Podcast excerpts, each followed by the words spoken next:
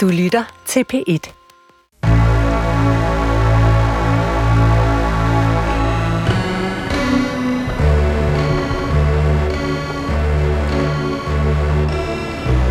Du har ringet til Hemmeligheder på P1. Tak for din hemmelighed. Vi lover at passe godt på den. Jeg spiser altid et lille stykke toiletpapir, før jeg tørrer mig. Velkommen til Hemmeligheder. Mit navn er Sanne Sigal Ben Moyal, og jeg har netop afspillet, ja, den, kan man kalde den, kuriøse hemmelighed, som var på vores telefonsvarer. Den telefonsvarer, du altid kan ringe til, som er 28 54 4000. Du kan også sende os en besked, og så kan vi omsætte skrift til lyd. Mette Frederiksen opfandt en ny formulering i den her uge, for at dække over, hvad man kan kalde en forretningshemmelighed. Må ikke snart valget begynder at nærme sig, sagde hun igen og igen. Meget hemmelighedsfuldt. Fordi det er så hemmeligt. Jeg forstår egentlig ikke, hvorfor det er så hemmeligt. For vi ved jo, det kommer, altså valget. Det gør det jo altid. Men hvem er de betroede i sådan en forretningshemmelighed? Man plejer jo at sige, at to kan holde på en hemmelighed, hvis den ene øh, er død. Og så vidt jeg ved, så lever Barbara Bertelsen stadig. Og til at tale om hemmeligheder, har jeg i dag inviteret aktivist og foredragsholder Emma Holten. Velkommen til programmet. Tak skal du have. Vil du sige, at du var sådan en, der bare på mange hemmeligheder eller få hemmeligheder? Altså, jeg, jeg tror virkelig, jeg har tænkt meget om, over hemmeligheder siden øhm, jeg blev inviteret til det her. Altså, jeg må sige, at jeg har virkelig smidt mig ud i sådan en krise nærmest, for jeg har tænkt så meget over det. Men jeg tror, jeg har formuleret en sætning, som jeg føler sådan indkapsulerer, hvordan jeg har det med hemmeligheder. Som jeg gjorde på cyklen for et par dage siden. Som sådan er, intet er en hemmelighed for alle, men alt er en hemmelighed for nogen. Der er intet, jeg har, som ingen ved. Men der er en masse ting, som er, altså stort set alt har jeg holder jeg hemmeligt for en eller anden. Hvis jeg skal forstå den sætning rigtigt, betyder det så, at der ikke er én eneste hemmelighed, som kun du har? Ja. Så sådan tror jeg virkelig, jeg har det. Altså, jeg tror virkelig, jeg har forskellige mennesker. Altså, det er ikke fordi, jeg sådan er forskellige personer til alle mine venner, men jeg har nogle ting, som som jeg virkelig taler meget åben med nogen om, som jeg overhovedet ikke taler med andre om. Og så fik jeg også sådan pludselig sådan en præstationsangst. Sådan, nu skal jeg komme med en hemmelighed med rigtig sådan fucking kød på -agtig. Og så var jeg sådan, det, altså så, og så blev jeg sådan lidt sur på Danmarks Radio bagefter. Så var jeg bare sådan lidt, hold kæft mand, det her kæmpe hus. I har vredet mig som en klud, siden jeg var 24 år gammel. Jeg har siddet her og fortalt om seksuelle overgreb. Jeg har fortalt om mit forhold til min kæreste, til mit sexliv og sådan noget. Er det ikke snart nok? Har jeg ikke givet jer herude nok? Og så var jeg bare sådan, fuck det, jeg går ind og fortæller dem et eller andet fuldstændig latterligt. Så kom jeg ind i en anden fase, hvor jeg var sådan, jeg går ind og fortæller noget ingen... Altså sådan, ja, jeg har haft mange faser. det er klart, at vi har lukreret på, at du var så gavmild i en fase, der var helt ny på det tidspunkt, du ligesom var sådan en katalysator for. Ja. Og hvis nogen tænker, hvad fanden taler jeg om, så er det jo det der med, at du gjorde noget, som kunne have været en ekstremt stor hemmelighed. Netop, at du blev udsat for det, man kalder hævnporno det vendte du vrang ud på, som, altså, nu siger jeg måske en af de første i Danmark. Jeg er nærmest en af de første i verden, faktisk. Ja, det er ret vildt. Som 24-årig? Som 24-årig, og det var også en helt anden tid for seksuelle overgreb. Ikke? Altså, jeg havde aldrig nogensinde læst nogen i en vis fortælle om, at de var blevet udsat for et seksuelt overgreb. Så det var sådan, øh, det var sgu en stor hemmelighed, at det var sket for mig. Øhm, og jeg tror måske også, det er derfor, jeg sådan har sådan en, nu i min i den spæde alder 31, som jeg nåede op på, er bare sådan et, har jeg givet jer nok? Er det ikke nok nu? Kan du vide, hvordan dit liv havde set ud, hvis du ikke havde valgt at sprænge den bombe, den hemmelighed var? Det er det, jeg tror faktisk, at en af... Fordi det er sådan, selvfølgelig var der en masse politisk for mig i at lave samtykkeprojektet, som var det, min sådan, måde at tale om det på, men det var faktisk også fordi, at det gik op for mig, at det var så porøs en hemmelighed, at den ikke kunne holde. Altså, jeg kunne ikke leve et liv, hvor at det både simultant var en hemmelighed og ikke var en hemmelighed. Og jeg tror, det er det, der er så svært, og det går også igen i mange af jeres programmer, at det, der sådan bliver katalysatoren for en konfrontation, det er bare sådan, jeg lever et dobbeltliv, for det er både en hemmelighed og ikke en hemmelighed. Og da, det her, da jeg lavede samtykkeprojektet, der var de her billeder, som var blevet stjålet fra mig og offentliggjort uden mit samtykke, de var jo det første, der kom op på Google. Det skulle en dårlig hemmelighed. Altså, samtidig med, at jeg levede et liv, hvor jeg foregav, at folk ikke ved det, vidste. Og det gjorde de. Og så når jeg snakkede med folk, så vidste jeg ikke, om de vidste eller ej. Og sådan noget. Og det er jo, en, det er jo den mest ubehagelige hemmelighed. Den, som både er hemmelig og ikke hemmelig på samme tid. Men også de hemmeligheder, man bærer rundt på, at den tyngde er jo drænende. Er helt vildt. Også fordi, at, det, at jeg følte jo øhm, også, at det var uretfærdigt, at jeg skulle holde det hemmeligt. Altså, jeg, jeg, jeg var, altså, og det første år, der, der følte jeg, at det var meget legitimt, at jeg holdt det hemmeligt, for jeg var bare sådan, det her det er skamfuldt, det her det er forkert. Men da jeg så begyndte at blive interesseret i feminisme og sådan noget, så var jeg bare sådan, undskyld mig, men hvorfor fanden skal jeg holde det her hemmeligt? At I behandler mig dårligt? Altså, og jeg tror, det der skifte i, og det er også noget, det jeg har tænkt meget over i forhold til i dag, det er bare sådan, jamen, hemmelighed er jo også super politisk. Hvad man holder hemmeligt. Om man holder hemmeligt, at man er bøsse, om man holder hemmeligt, at man er muslim. Om man, altså sådan, det handler også om, for et samfund, man er i, hvad der bliver anset for en hemmelighed. Og i nogle samfund, der kan noget være fuldstændig gængs, mens i andre samfund, der er det en kæmpe hemmelighed. Og jeg tror, mange af de hemmeligheder, jeg har delt, har jo været for at prøve at bryde politiske tabuer, ikke? Om kvindelig seksualitet og, og alt sådan noget. Du har givet os rigtig meget. Nu giver du os lidt mere. ja, præcis. Og derfor tænker jeg, at vi, øh, vi starter heldigvis i andres hoveder. Heldigvis. Og vi tager den første hemmelighed her. Min hemmelighed er, at jeg nogle gange får kolleger til at tage et vigtigt og afgørende møde med en af mine klienter på job, fordi jeg ikke orker at tale med den her klient længere. Jeg spørger min kollega, og hvis min kollega så spørger mig om en årsag, så oplyser jeg en fraværsgrund, for eksempel en behandlingsaftale. Den her hemmelighed har jo sådan en, en karakter af sådan en confession, altså bekendelse. Tror du, personen har dårlig samvittighed? For jeg, jeg føler ikke nødvendigvis, Ej, det kan jeg ikke mærke. dårligt. Nej. Det, det, er, det er ikke ikke sådan noget, ej, min stakkels kollega og sådan noget. Det er bare sådan, jeg kan, huske, ej, jeg kan huske, da jeg arbejdede på Subway, som var sådan en sandwichbar, der arbejdede jeg stort set hele min gymnasietid. Ej, nu, ej, hvis der er nogen, der hører det her, så får jeg så dårligt samvittighed, jeg skylder virkelig en øl, men sådan, når man, altså en af opgaverne var selvfølgelig, at man skulle forberede alle grøntsagerne. Og jeg sagde til de andre, at jeg var allergisk over for løg, fordi jeg ikke gad skære løgne. Fordi man stod jo bare og græd og græd og græd, og sådan en kæmpe løgmaskine. Og jeg tror, jeg bildte mig selv ind, at jeg græd mere end de andre, og derfor var jeg på en måde allergisk, og det minder lidt om det her, ikke? Men alle jo. Synes jo, det var forfærdeligt. Og så sagde jeg bare sådan, ej, nu er det tid til at skære løg, jeg er desværre allergisk. Undskyld, Emily, Amalia, alle jeg arbejder sammen med. Jeg, var, jeg, er, jeg tror sgu bare, at jeg er ikke mere allergisk over for løg end alle mulige andre mennesker. Men der er jo også sådan et element af, både med løjet, med mødet. Går den, så går den. Ja. Altså, at hvis man første gang lige udsk... og så går det faktisk, Ja, så lykkes det. så er det meget lettere at gøre det. Anden, tredje, fjerde. Og jeg tror faktisk, sådan, det jeg tænker er vigtigt, det er det der med, hvorvidt man er hyklerisk omkring det. Ikke? Altså jeg tror, at nogle gange, så kan det at gøre sådan etiske ting, som sådan selv er lidt på grænsen, det kan også gøre en mere forstående over for andre mennesker. Altså, og det kan måske være det positive ved det. Der er sådan noget vildt spændende forskning, som viser, at folk, der har meget magt i samfundet, det, der kendetegner deres adfærd, det er, at de laver andre regler for sig selv og for andre. Så de, er bare sådan, de føler, at de kan tillade sig ting, som de ikke vil tillade andre. Jeg tror, noget af det, jeg tænker meget over, det er, når jeg selv, det er ikke at gøre det med mig selv. At jeg sørger for, at hver gang jeg gør noget, som jeg synes måske er etisk sådan på grænsen, så minder jeg mig selv om, at jeg skal huske, at det her skal gøre mig mere large over for andre. Så altså, når du går ned ad den sti, så vil det være for at få en forståelse af, hvorfor nogen faktisk går ned ad den sti, hvor man siger, man kunne springe over, hvor gader er lavest, så vil du forstå ja, det bedre. Ja, det tænker jeg. At, at jeg vil sige sådan, okay, jeg kender jo godt den her form for legitimering. Og altså, det er virkelig ikke for sådan at støtte, at man skal sådan springe over, hvor gader er lavest og lyve hele tiden. Men, men det bør, man bør bruge det til at få en forståelse for, at det kan ske for alle. Så man ikke bliver sådan en person, som har et sæt regler for sig selv, og dem, man elsker, og så et sæt regler for dem, som man ikke kan lide, eller som er under en i et eller andet hierarki, eller sådan noget, ikke? Der ligger også noget i den her hemmelighed, som jeg ikke kan lade være med at tænke på, men, men man er vel også et sted i et job, man ikke har lyst til at være i, hvis man har det sådan med sit job. Det er jo også et udtryk for mangel på respekt for ens kollegaer. Det, altså, det er det jo. Øhm, at man ikke fortæller dem, hvor man rigtig har det. Og, og det er måske mere det, man skal undersøge. Hvorfor er det, jeg føler, at jeg ikke kan være ærlig over for mine kollegaer? Lur mig. Hvis man sagde det her højt til de der kollegaer, Ja. så er det måske ikke en helt lige så stor hemmelighed, som man tror.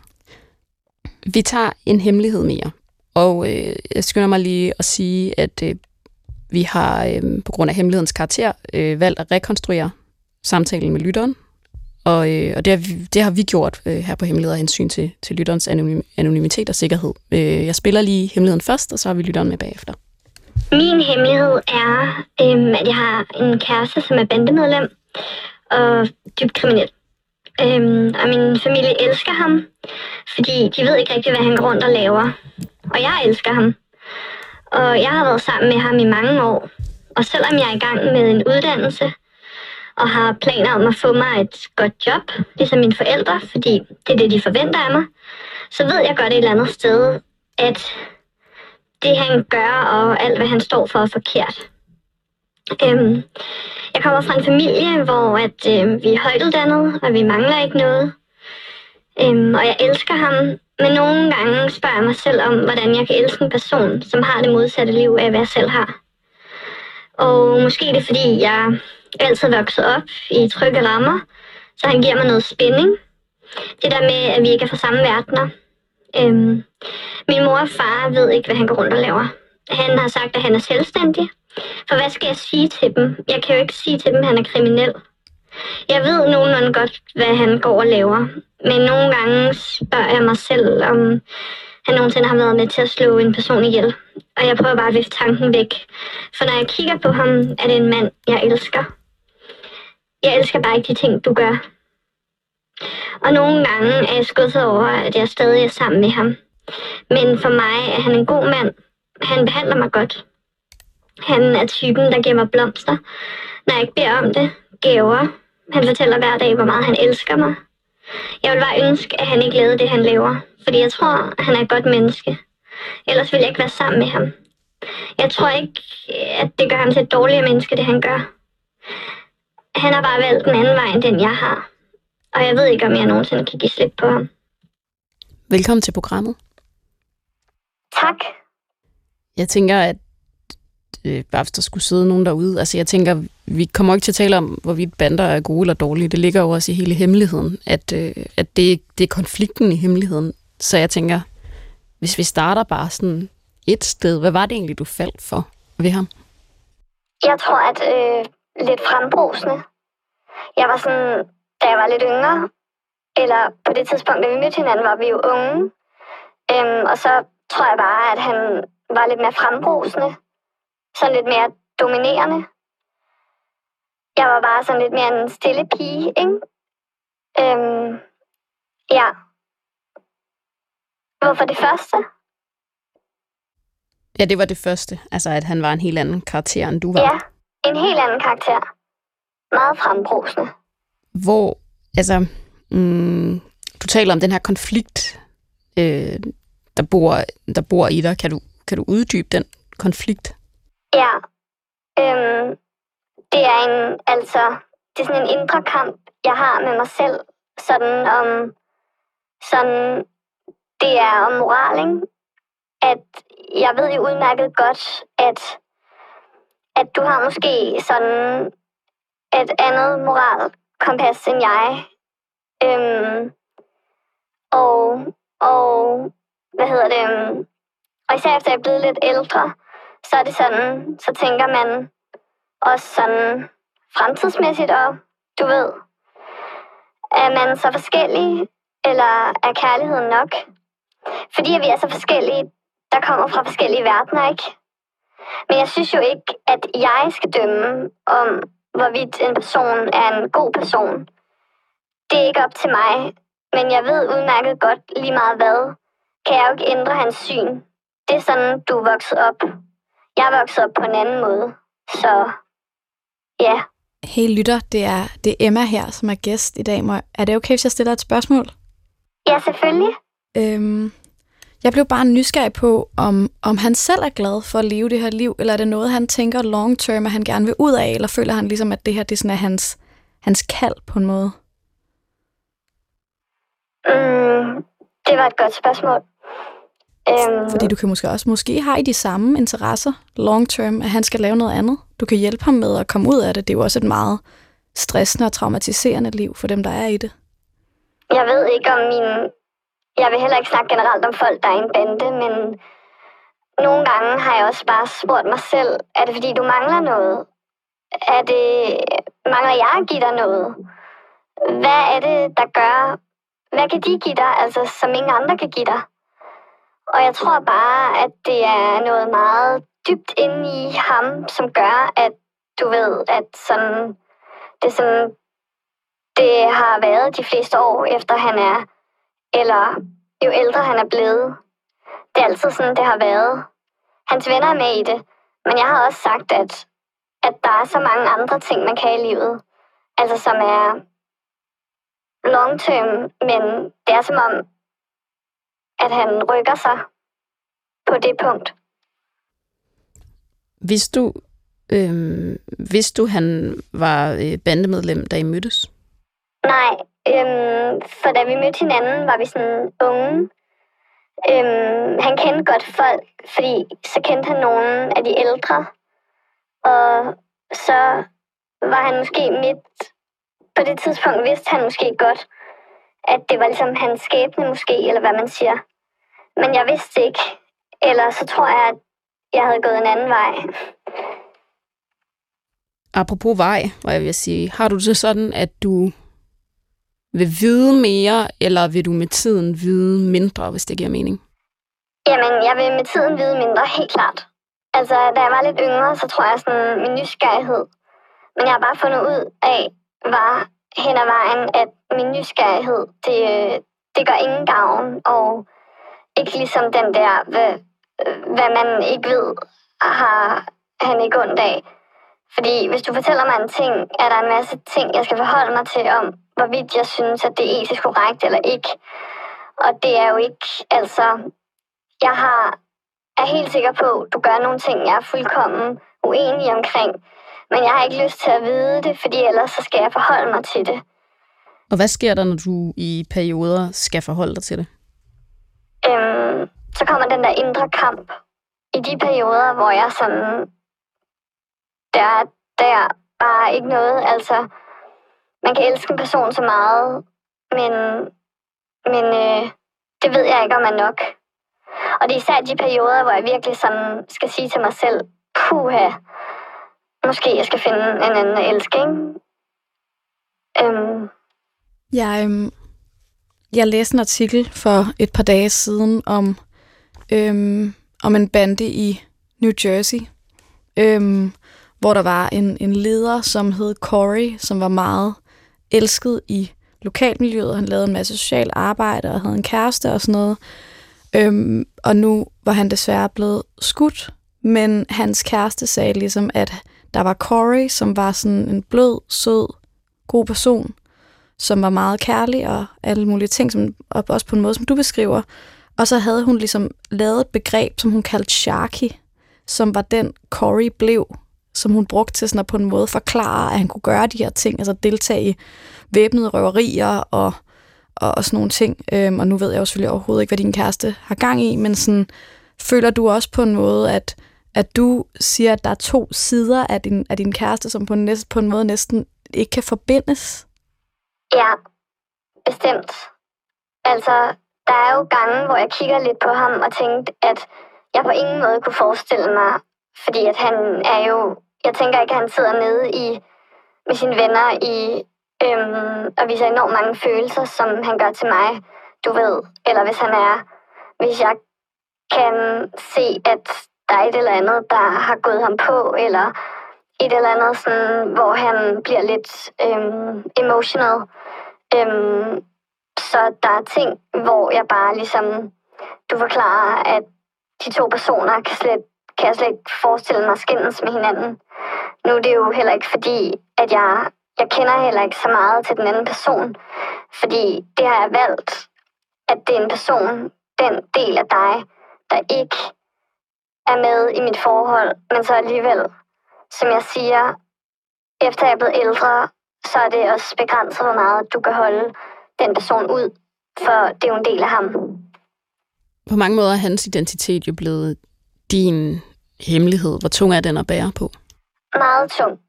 Den bliver meget tung at bære på, fordi jeg vil, altså, det ville det bare være helt perfekt, hvis du bare, altså, hvis din hemmelighed bare kunne forsvinde.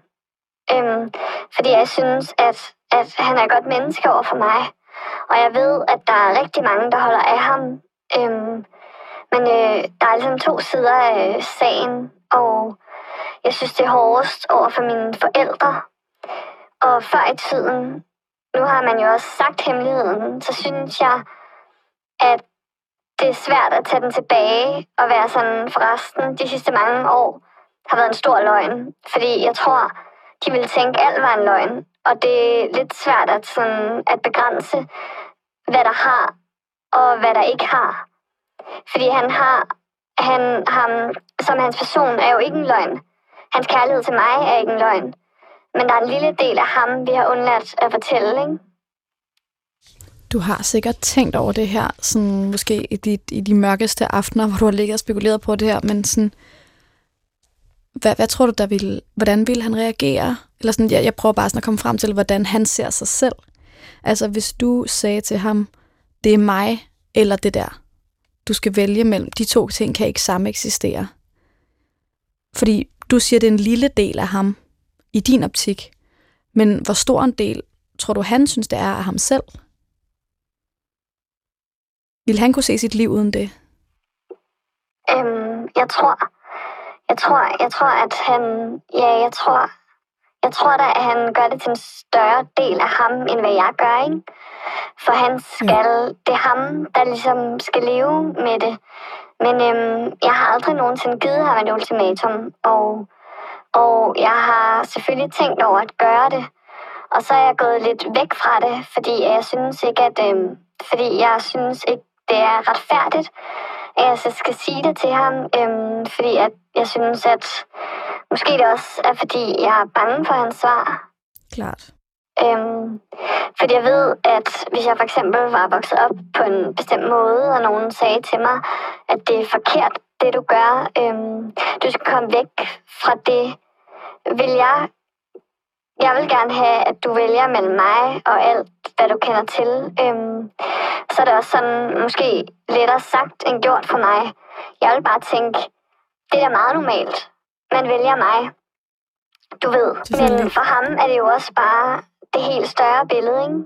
Øhm, fordi at jeg kender ikke så meget, og jeg vil jo ikke, der er ikke, jeg tænker ikke, at nogen af os herinde har været en bande. Så vi kan jo ikke identificere os med det der, okay, man vælger dem frem for alt, ikke?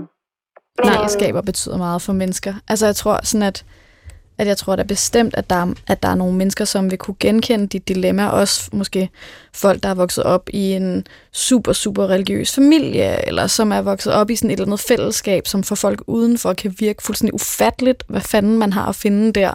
Men selvfølgelig i alle fællesskaber er der, kan der både være vold og kærlighed, altså, og der kan være et, altså sådan et opbakning og sådan noget.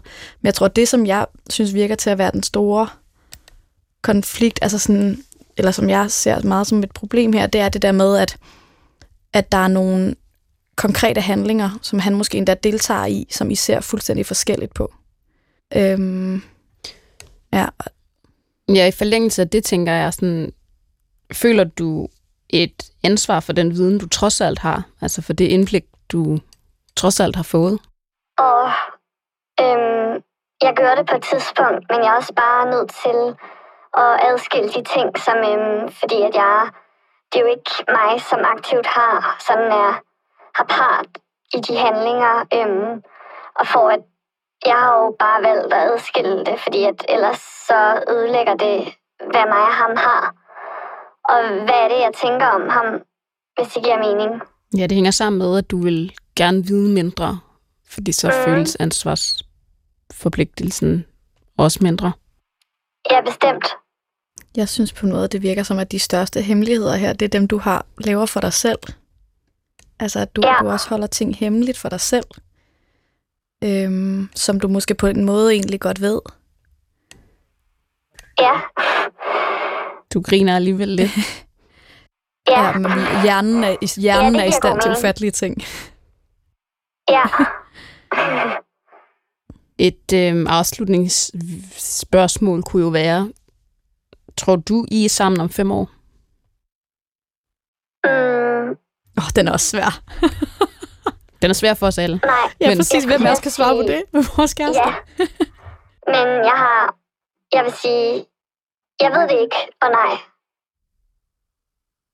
Tak fordi du ringede ind, og tak fordi vi måtte prøve at forstå, hvilken konflikt du, øh, du er i med dig selv. Ja, tak for din generøsitet. Ja, de hemmeligheder, vi holder for os selv. Altså, der er jo det, man bærer rundt på for andre, men så er der også de hemmeligheder, man fortæller sig selv.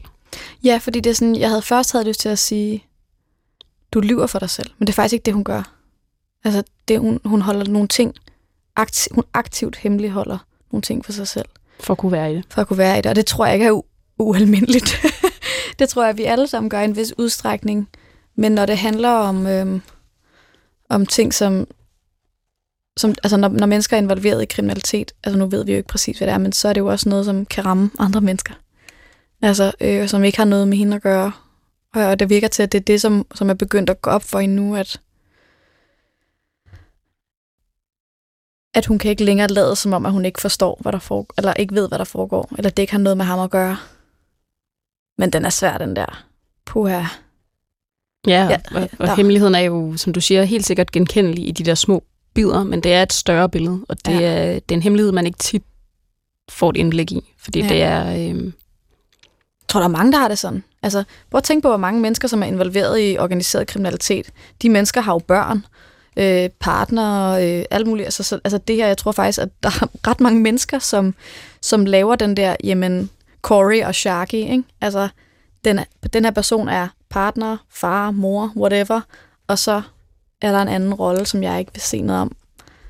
og så også, selvom man ikke er involveret i, i kriminalitet, kender man jo også parforholdsdynamik, at man også ser sig selv nogle gange som væve, altså mere en kæreste, eller man ser sig selv som den, der skal redde, eller man...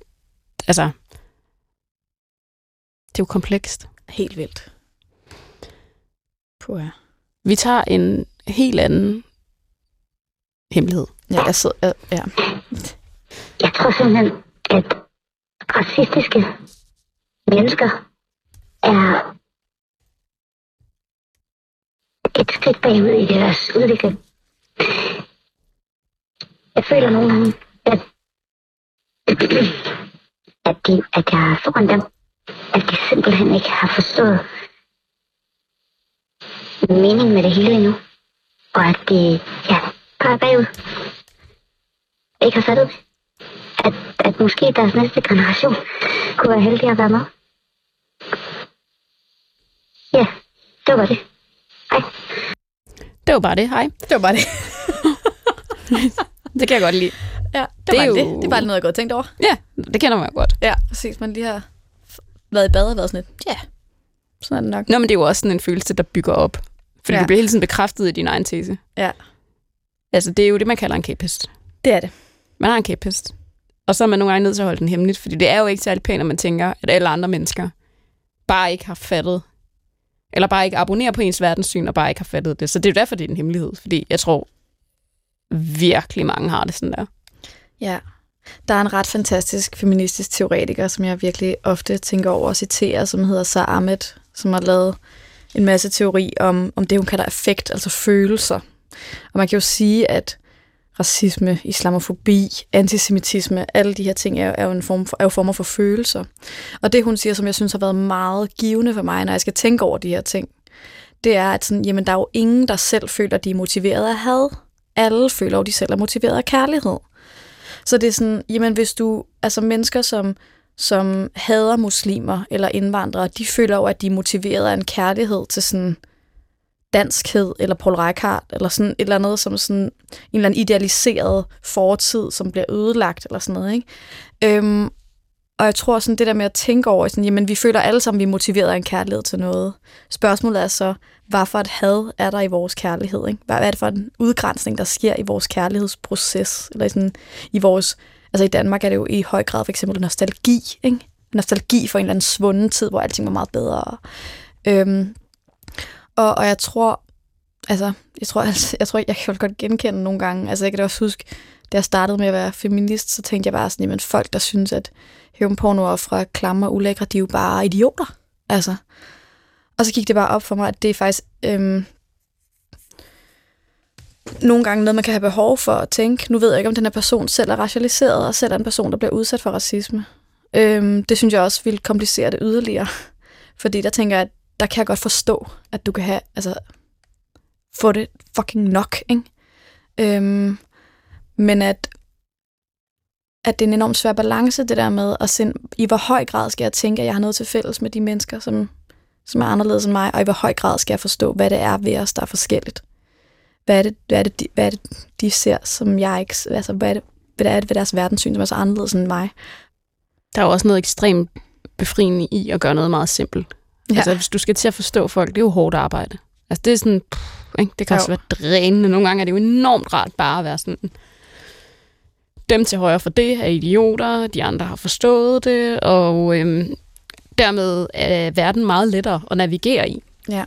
Underligt nok, egentlig. Mm. Altså, at nuancerne er jo også det, der gør det hårdt og relativt. Og hvem er jeg så, hvis jeg lige pludselig godt ville kunne forstå en, der øh, var racist?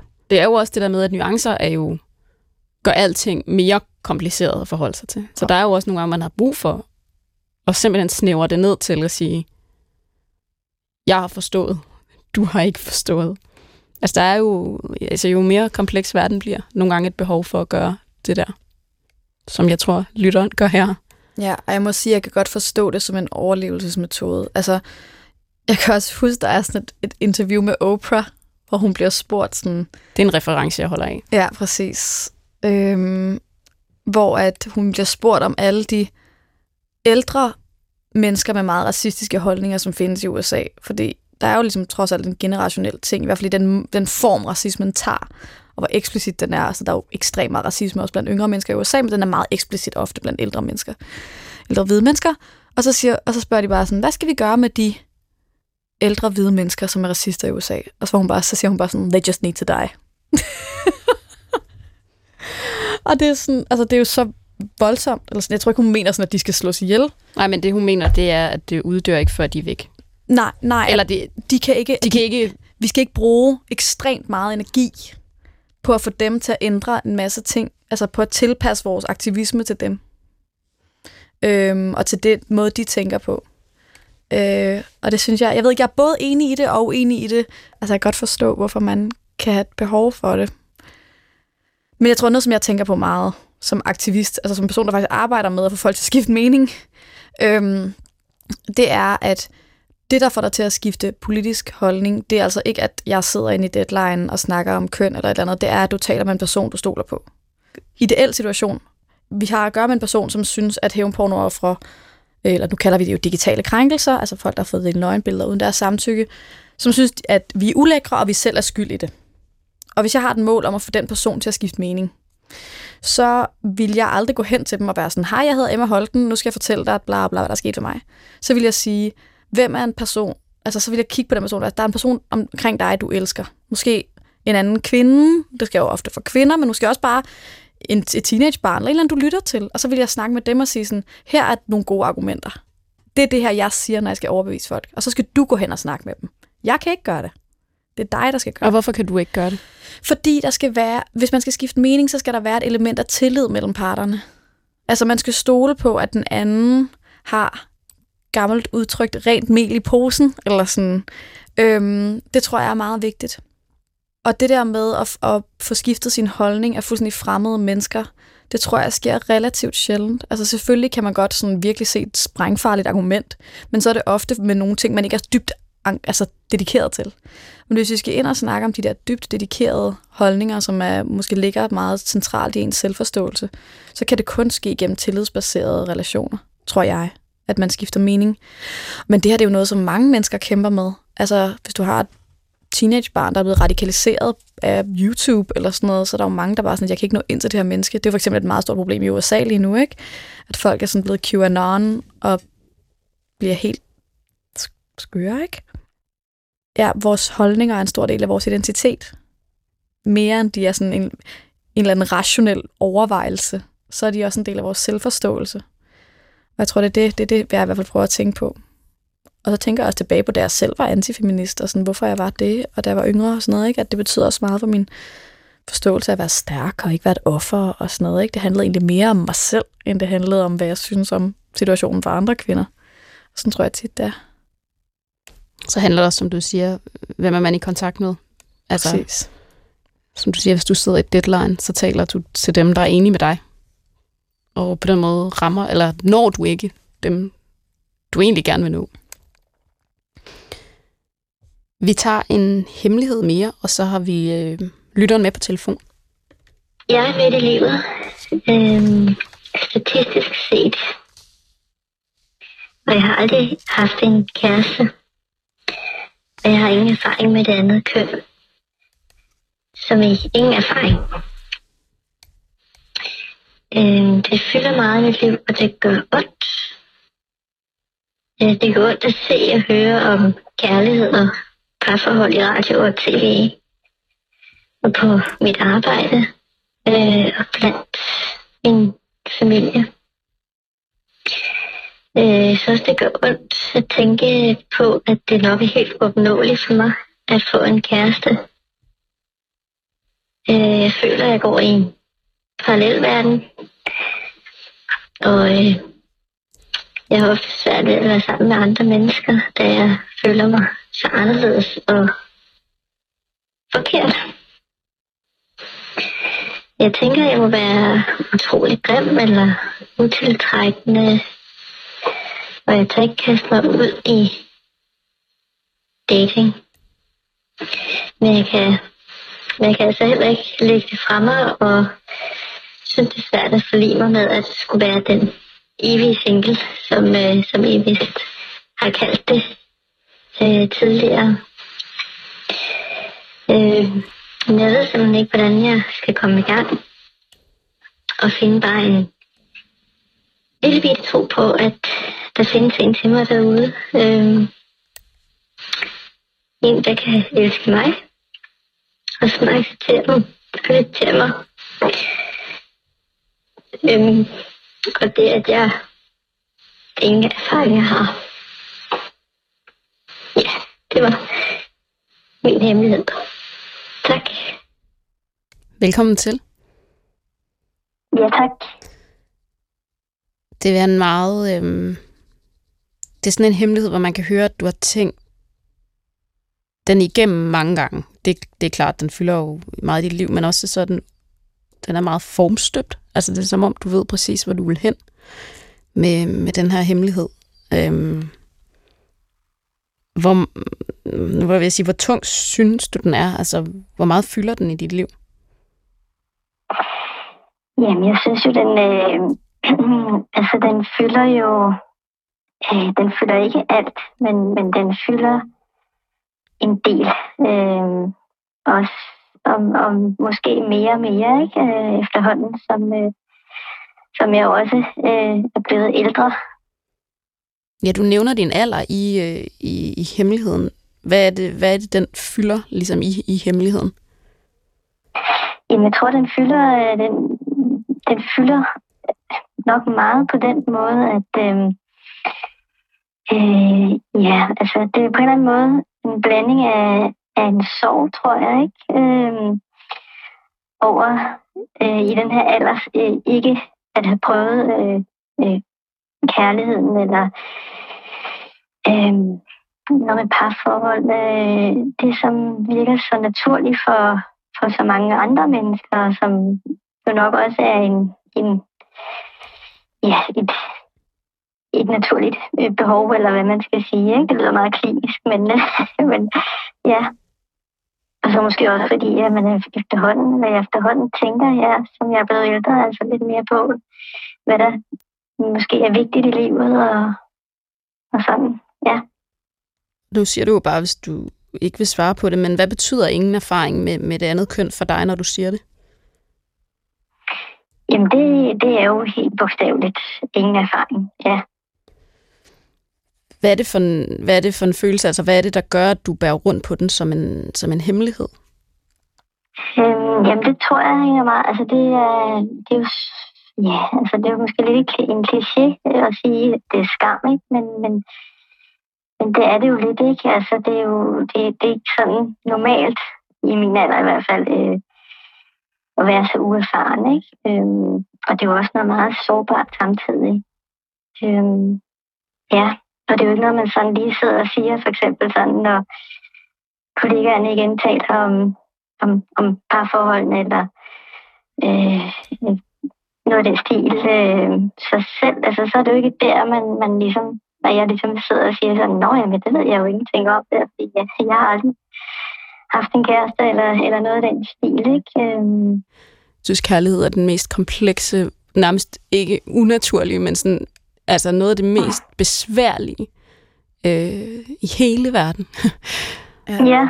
ja, jeg sidder også og tænker på sådan, øhm, at der ikke er der er ikke no, en eller anden, et eller andet mål, man opnår, når man får en kæreste. Nu har jeg selv haft en kæreste i syv år. Øhm, og jeg er rigtig glad for personen, heldigvis. Men er også i kontakt med, selvfølgelig, ligesom du er, alle mulige former for parforhold. Gennem venner og sådan noget. Altså, der findes jo folk, som er i parforhold, som er så ensomme, som de aldrig har været. Altså, øhm, og som er så ulykkelige, og som har sådan lidt den modstillet af dig. Den der, Mm. jeg, jeg, jeg, det er jo lykkedes for mig, så hvorfor er jeg ikke glad? Eller sådan. Og noget, jeg tænker på, når jeg hører dig snakke, det er sådan måske, om du kunne have lyst til at sådan sætte lidt, lidt flere ord på, hvad, hvad det er, du gerne vil have ud af den her tosomhed. Eller sådan, hvad, er det, du, hvad er det, du føler, du savner? Fordi det der med at sige, at man savner en partner, altså en partner kan være både det mest fantastiske, men det kan også være det værste, der er sket for dig. Altså man kan få en Mm. partner, der fuldstændig leder dig af en helt forkert vej, er forfærdelig over for dig, for det får det til at få det, for, for en til at få det skrækkeligt med sig selv. Altså, at øhm, det, det kan virkelig være en mixed bag, det der med monogame forhold. Så jeg tror, jeg får Ja. lyst til at spørge dig, hvad det er for en type relation, du savner. Hvad er længslen? Ja, hvor er længslen? Ja, men jeg tror, at det, det er absolut heller ikke, fordi jeg tænker, at det er, at, at det, er øh, det bedste i verden at, at, at skulle være i et parforhold, og det har jeg, da, jeg har også øh, både set og hørt øh, øh, om netop, som du siger, nogle, nogle ret øh, ubehagelige øh, parforhold, ikke, som virkelig kan ødelægge folk. Så, så det, er simpelthen ikke, det er simpelthen ikke fordi, at jeg ser det som sådan en dyb, der er ren dyb. Men jeg tror netop, at det er den her, altså, øh, det er jo et eller andet med at blive, ja, at blive set, altså, øh, en gensidig forelskelse også, ikke? Altså, øh, ja, altså, altså at blive elsket, tror jeg, på en anden måde, end man gør i, øh, blandt veninder eller i familien eller sådan noget, ikke? Altså, ja. Helt sikkert. Nu spørger jeg dig meget intimt, du må endelig sige til, hvis du ikke har lyst til at svare, men oplever du, sådan har du selv i dit liv oplevet at, bli, at selv blive forelsket? Eller sådan haft store forelskelser? ja, det har jeg prøvet, ja. Ved du at det skal du være glad for, så ved du det, du er i stand til. Det er der nogen, der slet ikke kan. Ja. Det er meget lovende, Ja, synes jeg. ja. Ja, måske netop i forlængelse af det. Hvorfra kommer den der følelse af, som du også nævner i hemmeligheden af, at der ikke er nogen til dig, eller at du, mm, at du tænker sådan, og jeg håber sådan, der er en, en for mig derude? Jamen, jeg tror, det er, jeg tror lidt, at det, at det igen måske noget med alderen at gøre, ikke? Fordi jeg også, øh, altså, det, og igen skal jeg heller ikke sige, at, at det er nemt for alle andre, men, men jeg oplever jo, at det er så nemt for andre mennesker, at, eller i hvert fald, jeg oplever ikke i hvert fald, at andre ikke kommer i forhold, ligesom, ligesom mig, ikke? Altså, jeg oplever, at de fleste øh, før eller siden er i nogle parforhold. Øh, og ej, undskyld, nu glemte jeg lige, hvad du spurgte om. Altså, hvor kommer den her følelse fra, at der ikke skulle være nogen til dig? ja, ja, men det tror jeg jo. Altså, jeg tror simpelthen så, at når nu jeg har den her oplevelse af at se folk omkring mig komme i parforhold, og så den her tanke om, nu er jeg så, nu har jeg så opnået den her alder, jeg har, øhm, og det er stadig sket, og der er absolut ikke nogen, som har, hvad skal man sige, altså, øh, jeg har vist interesse for mig, hvis jeg må sige, at, at så er det nok, fordi der er et eller andet ved mig, som, som ja, ikke er attraktivt, eller ja, hvordan man nu skal sige, ikke? Øhm, ja, Den lader jeg stå, fordi den- den, den, jeg forestiller mig ikke, at der er noget ved dig, der ikke... Øh, ej, okay, vi har alle sammen ikke attraktive sider, men jeg forestiller mig, at du er, Mhm. at du bestemt er attraktiv. Men hvad har du... Hvor har du let, var jeg ved at sige? Altså, hvad har, du, hvad har din tilgang været i, i dit, i dit datingliv? Jamen det har jo så, altså jeg har jo faktisk heller ikke prøvet øh, datingsider eller noget i den stil. Altså, øh, så, så jeg har sådan, jeg har nok også holdt mig lidt fra det, ikke? Altså også fordi jeg måske har den tanke, at øh, det lyder lidt hårdt, ikke? Men altså det, den der med, at der er ingen grund til at ydmyge sig selv, måske lidt, ikke? Altså, Jeg, jeg synes, det virker til, at du har høje standarder. Jeg synes, det virker til, altså, fordi det er jo fuldstændig rigtigt, hvad du siger, at folk vælter ud af en af forhold hele tiden. Men det er mm. også fordi, at mange måske er mere desperate, end du er. Altså er mere bange ja, være, ja. for ensomhed, ja. end du er. Altså, hold kæft, hvor ser jeg folk, som bare sådan melder sig til tv-programmer og har tusind profiler alle mulige steder, og altså ud i byen og sådan. Altså, jeg synes egentlig, at sådan, du skal være meget stolt af, at du sådan ikke har bare sådan taget det første og det bedste, fordi du var bange for at være alene. Altså, mm. du har nogle standarder. Der er nogle ting, der er tydeligvis nogle ting, at du gerne vil have øhm, opfyldt ja. af det her forhold. Det er ikke bare hvem som helst, fordi man kan, altså, man kan jo altid finde en eller anden. Men... Øhm, du lyder som en, der står på et godt fundament. Ja, præcis. Du, du, altså, du vil gerne have, du vil ikke bare have hvad som helst. Og det synes jeg egentlig, du skal være ret mm. tilfreds med. Spørgsmålet er måske ja. bare, Ja. Det, jeg synes virkelig, det er sådan, du skal se på det. Og så er du i stand til at blive forelsket. Det er der mange, der kæmper med. Det synes jeg, du skal være glad for. Men måske tænker jeg, at du godt kunne lyde på mig som en, der heller ikke rigtig opdager, når folk er interesseret i dig. altså fordi du slet ikke mm, tænker, Nej. at det kan ske. Nej, ja, ja. Altså, at, at der måske er folk, der viser interesse for dig, og så fordi, at du tænker, at det sådan er, fordi at du ikke har haft den der sådan, altså har haft den oplevelse så mange gange måske, eller sådan tror du ikke har haft den mange gange, så er det slet ikke på din radar, når en eller anden smiler til dig, eller er sød ved dig til en fest, eller sådan noget, at det er på grund af det. Det, ja, det kan selvfølgelig også godt være. Ja, altså, tro mig. På, ja. jeg kan huske, sådan, da jeg, øh, jeg gik i folkeskole, og det gik ikke super godt. Jeg blev mobbet, jeg var lidt en nørd og sådan noget. Og så var jeg, gik jeg på sådan en specialskole i en meget lille klasse. Og så startede jeg i gymnasiet. Øhm, og så havde jeg ligesom fået bryster, der var sket alt muligt. Jeg havde fået mine øh, togskinner af og alt muligt. Mm. Og så pludselig så var mænd, eller mine drenge i mit gymnasie, sådan interesseret i mig. Og jeg opdagede det bare sådan overhovedet ikke. Nej. Altså sådan, ja, det, var, jeg var, det var slet ikke sådan på min forståelsesradar, at de skulle være interesseret i mig på den måde. Fordi nej, det var slet ikke sådan, jeg så mig selv.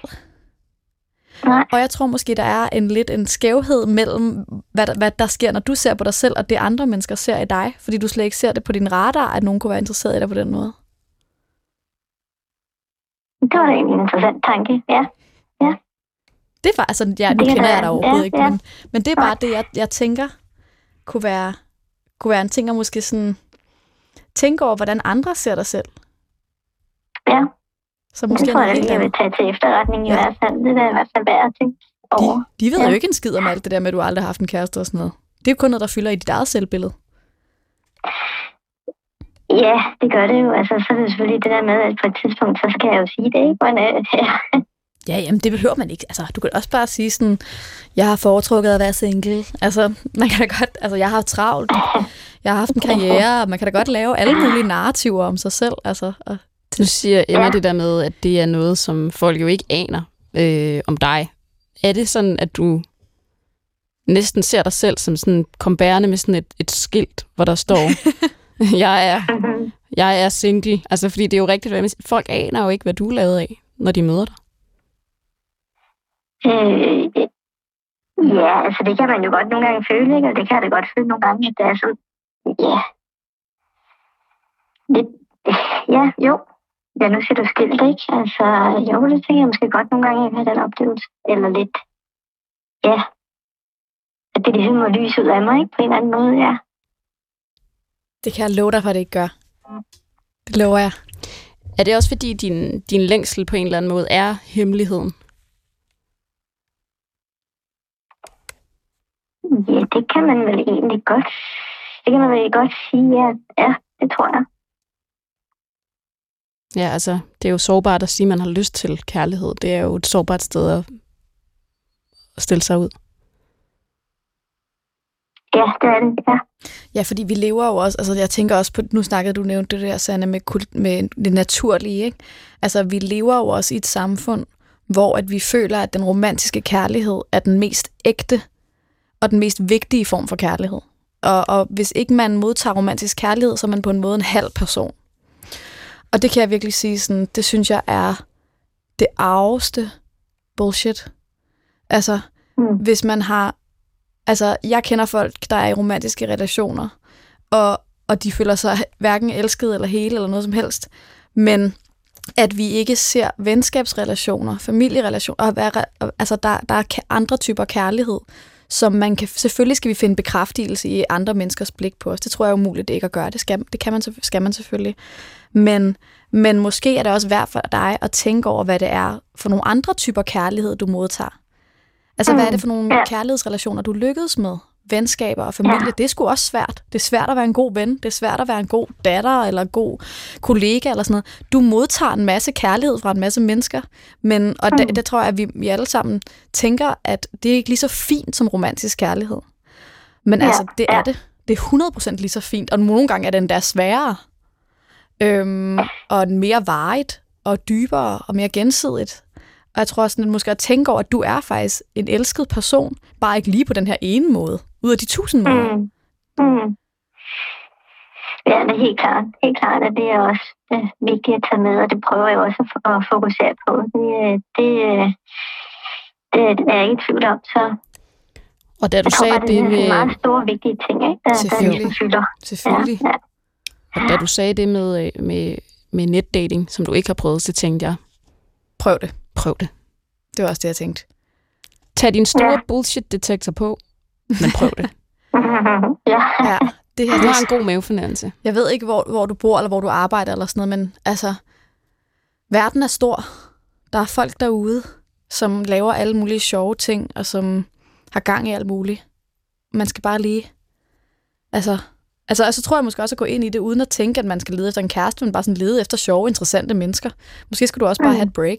Altså at komme ind i nogle nye kontekster. Øhm, ja. Ja. Og, og se på dig selv en ny, på en ny måde. Altså det, det er jo også det, der er fantastisk, når man møder nye mennesker. Jeg har for eksempel lige fået en ny veninde, og jeg er sådan helt nyforelsket nærmest. Jeg synes, hun er så fantastisk, og hun har virkelig givet mig et helt nyt blik på mig selv. Altså jeg er virkelig sådan, hun har virkelig rusket en masse ting rundt i mig, for hun så en masse ting i mig, som, fordi hun ikke har kendt mig, da jeg var meget yngre og sådan noget. Og, mm. og det får mig også til at tænke over mit forhold og min karriere og alt muligt. Altså nogle gange, så skal man også lige ruske i nogle andre ting, fordi tingene hænger sammen. Ikke? Jeg synes også, det virker mm. til, at du har brug for nogle nye blikke på dig selv. Altså nogen, der ser dig fra ja. en anden vinkel. Og det kan man jo ja. finde på nettet, eller gennem en hobby, eller et eller andet. Det tror jeg er virkelig sådan en lille ruskning. Det tror jeg. Jeg synes, det skal være et øh, nyt konstitueret ord. Et ny, en, en ruskning. en lille ny ruskning. Ja. Ja. Jeg er meget glad for, at du ringede ind til os og øh, sagde det højt.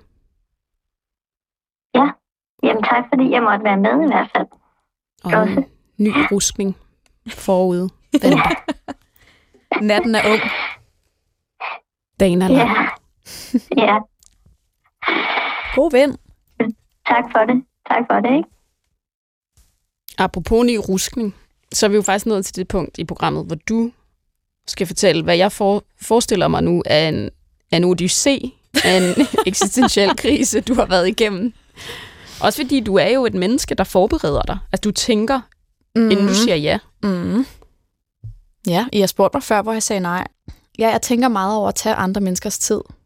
Og så tror jeg, ja, så, som jeg også sagde i begyndelsen, så, så har jeg jo tænkt meget over det der med den der lille sætning, som jeg har lavet til mig selv. Den der med, at, at der er intet, der er en hemmelighed for alle, men alt er en hemmelighed for nogen. Øhm, og så har jeg jo givet meget ud af mit liv med ting, som traditionelt ville være tabu. Altså seksualitet og køn og virkelig intime ting.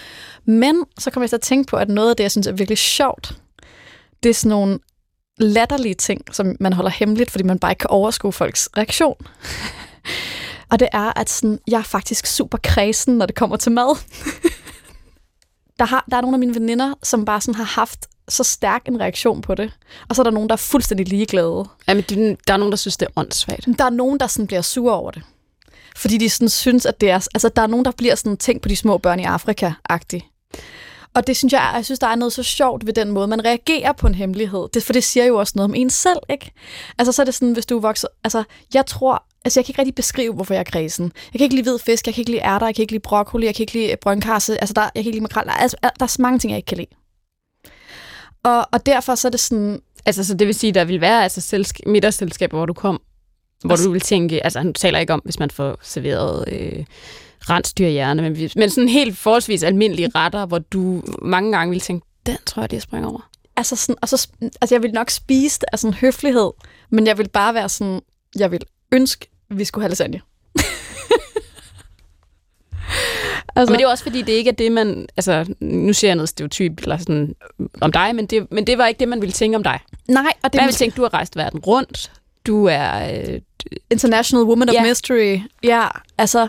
Øhm, og jeg tror måske også, det er derfor, det er sådan lidt en silly ting om mig, som jeg synes var sjov at have med. Fordi det er, sådan, det er noget, som andre tillægger meget værdi. Jeg tænker mere på, hvordan du holder det hemmeligt, men det gør du så, fordi du faktisk alligevel så spiser det. Jamen, altså, det er jo for fanden svært, fordi man kan jo ikke gå på en restaurant i København længere, uden at få de der fucking sharing plates. Altså før i tiden, der gik du ind på en restaurant, og så bestilte du det, du havde lyst til, ikke? Nu går du ind på en restaurant, så er der fem retter, du kan intet vælge, og alle skal dele. Så det er bare sådan, så ligger der bare sådan en stor sådan rødspætte, som vi alle sammen skal dele. Den måde, du kan sige rødspætte på. Ja, rødspætte. en rødspætte. Og jeg kigger bare på den der spætte, og jeg er bare sådan, jeg har ikke lyst til noget at gøre med den der rødspætte. Og alle er bare sådan, mm, elsker rødspætte. Og så er der sådan noget, altså grønt på, og sådan noget, jeg gider ikke have det, eller sådan.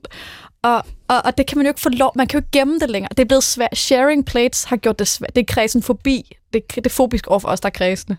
At have det her sharing plate. Men du har spist mange måltider derude, som du faktisk gerne ville have været foruden. Hvor jeg bare sådan, at jeg ville ønske, at vi havde fået pasta bolo. Tak fordi du delte din hemmelighed. Og øh, tak fordi du var med til at reagere på andres hemmeligheder. Det er et meget intimt rum, det her. Mange tak for at invitere mig med ind i det. Og tak fordi I lyttede med derude.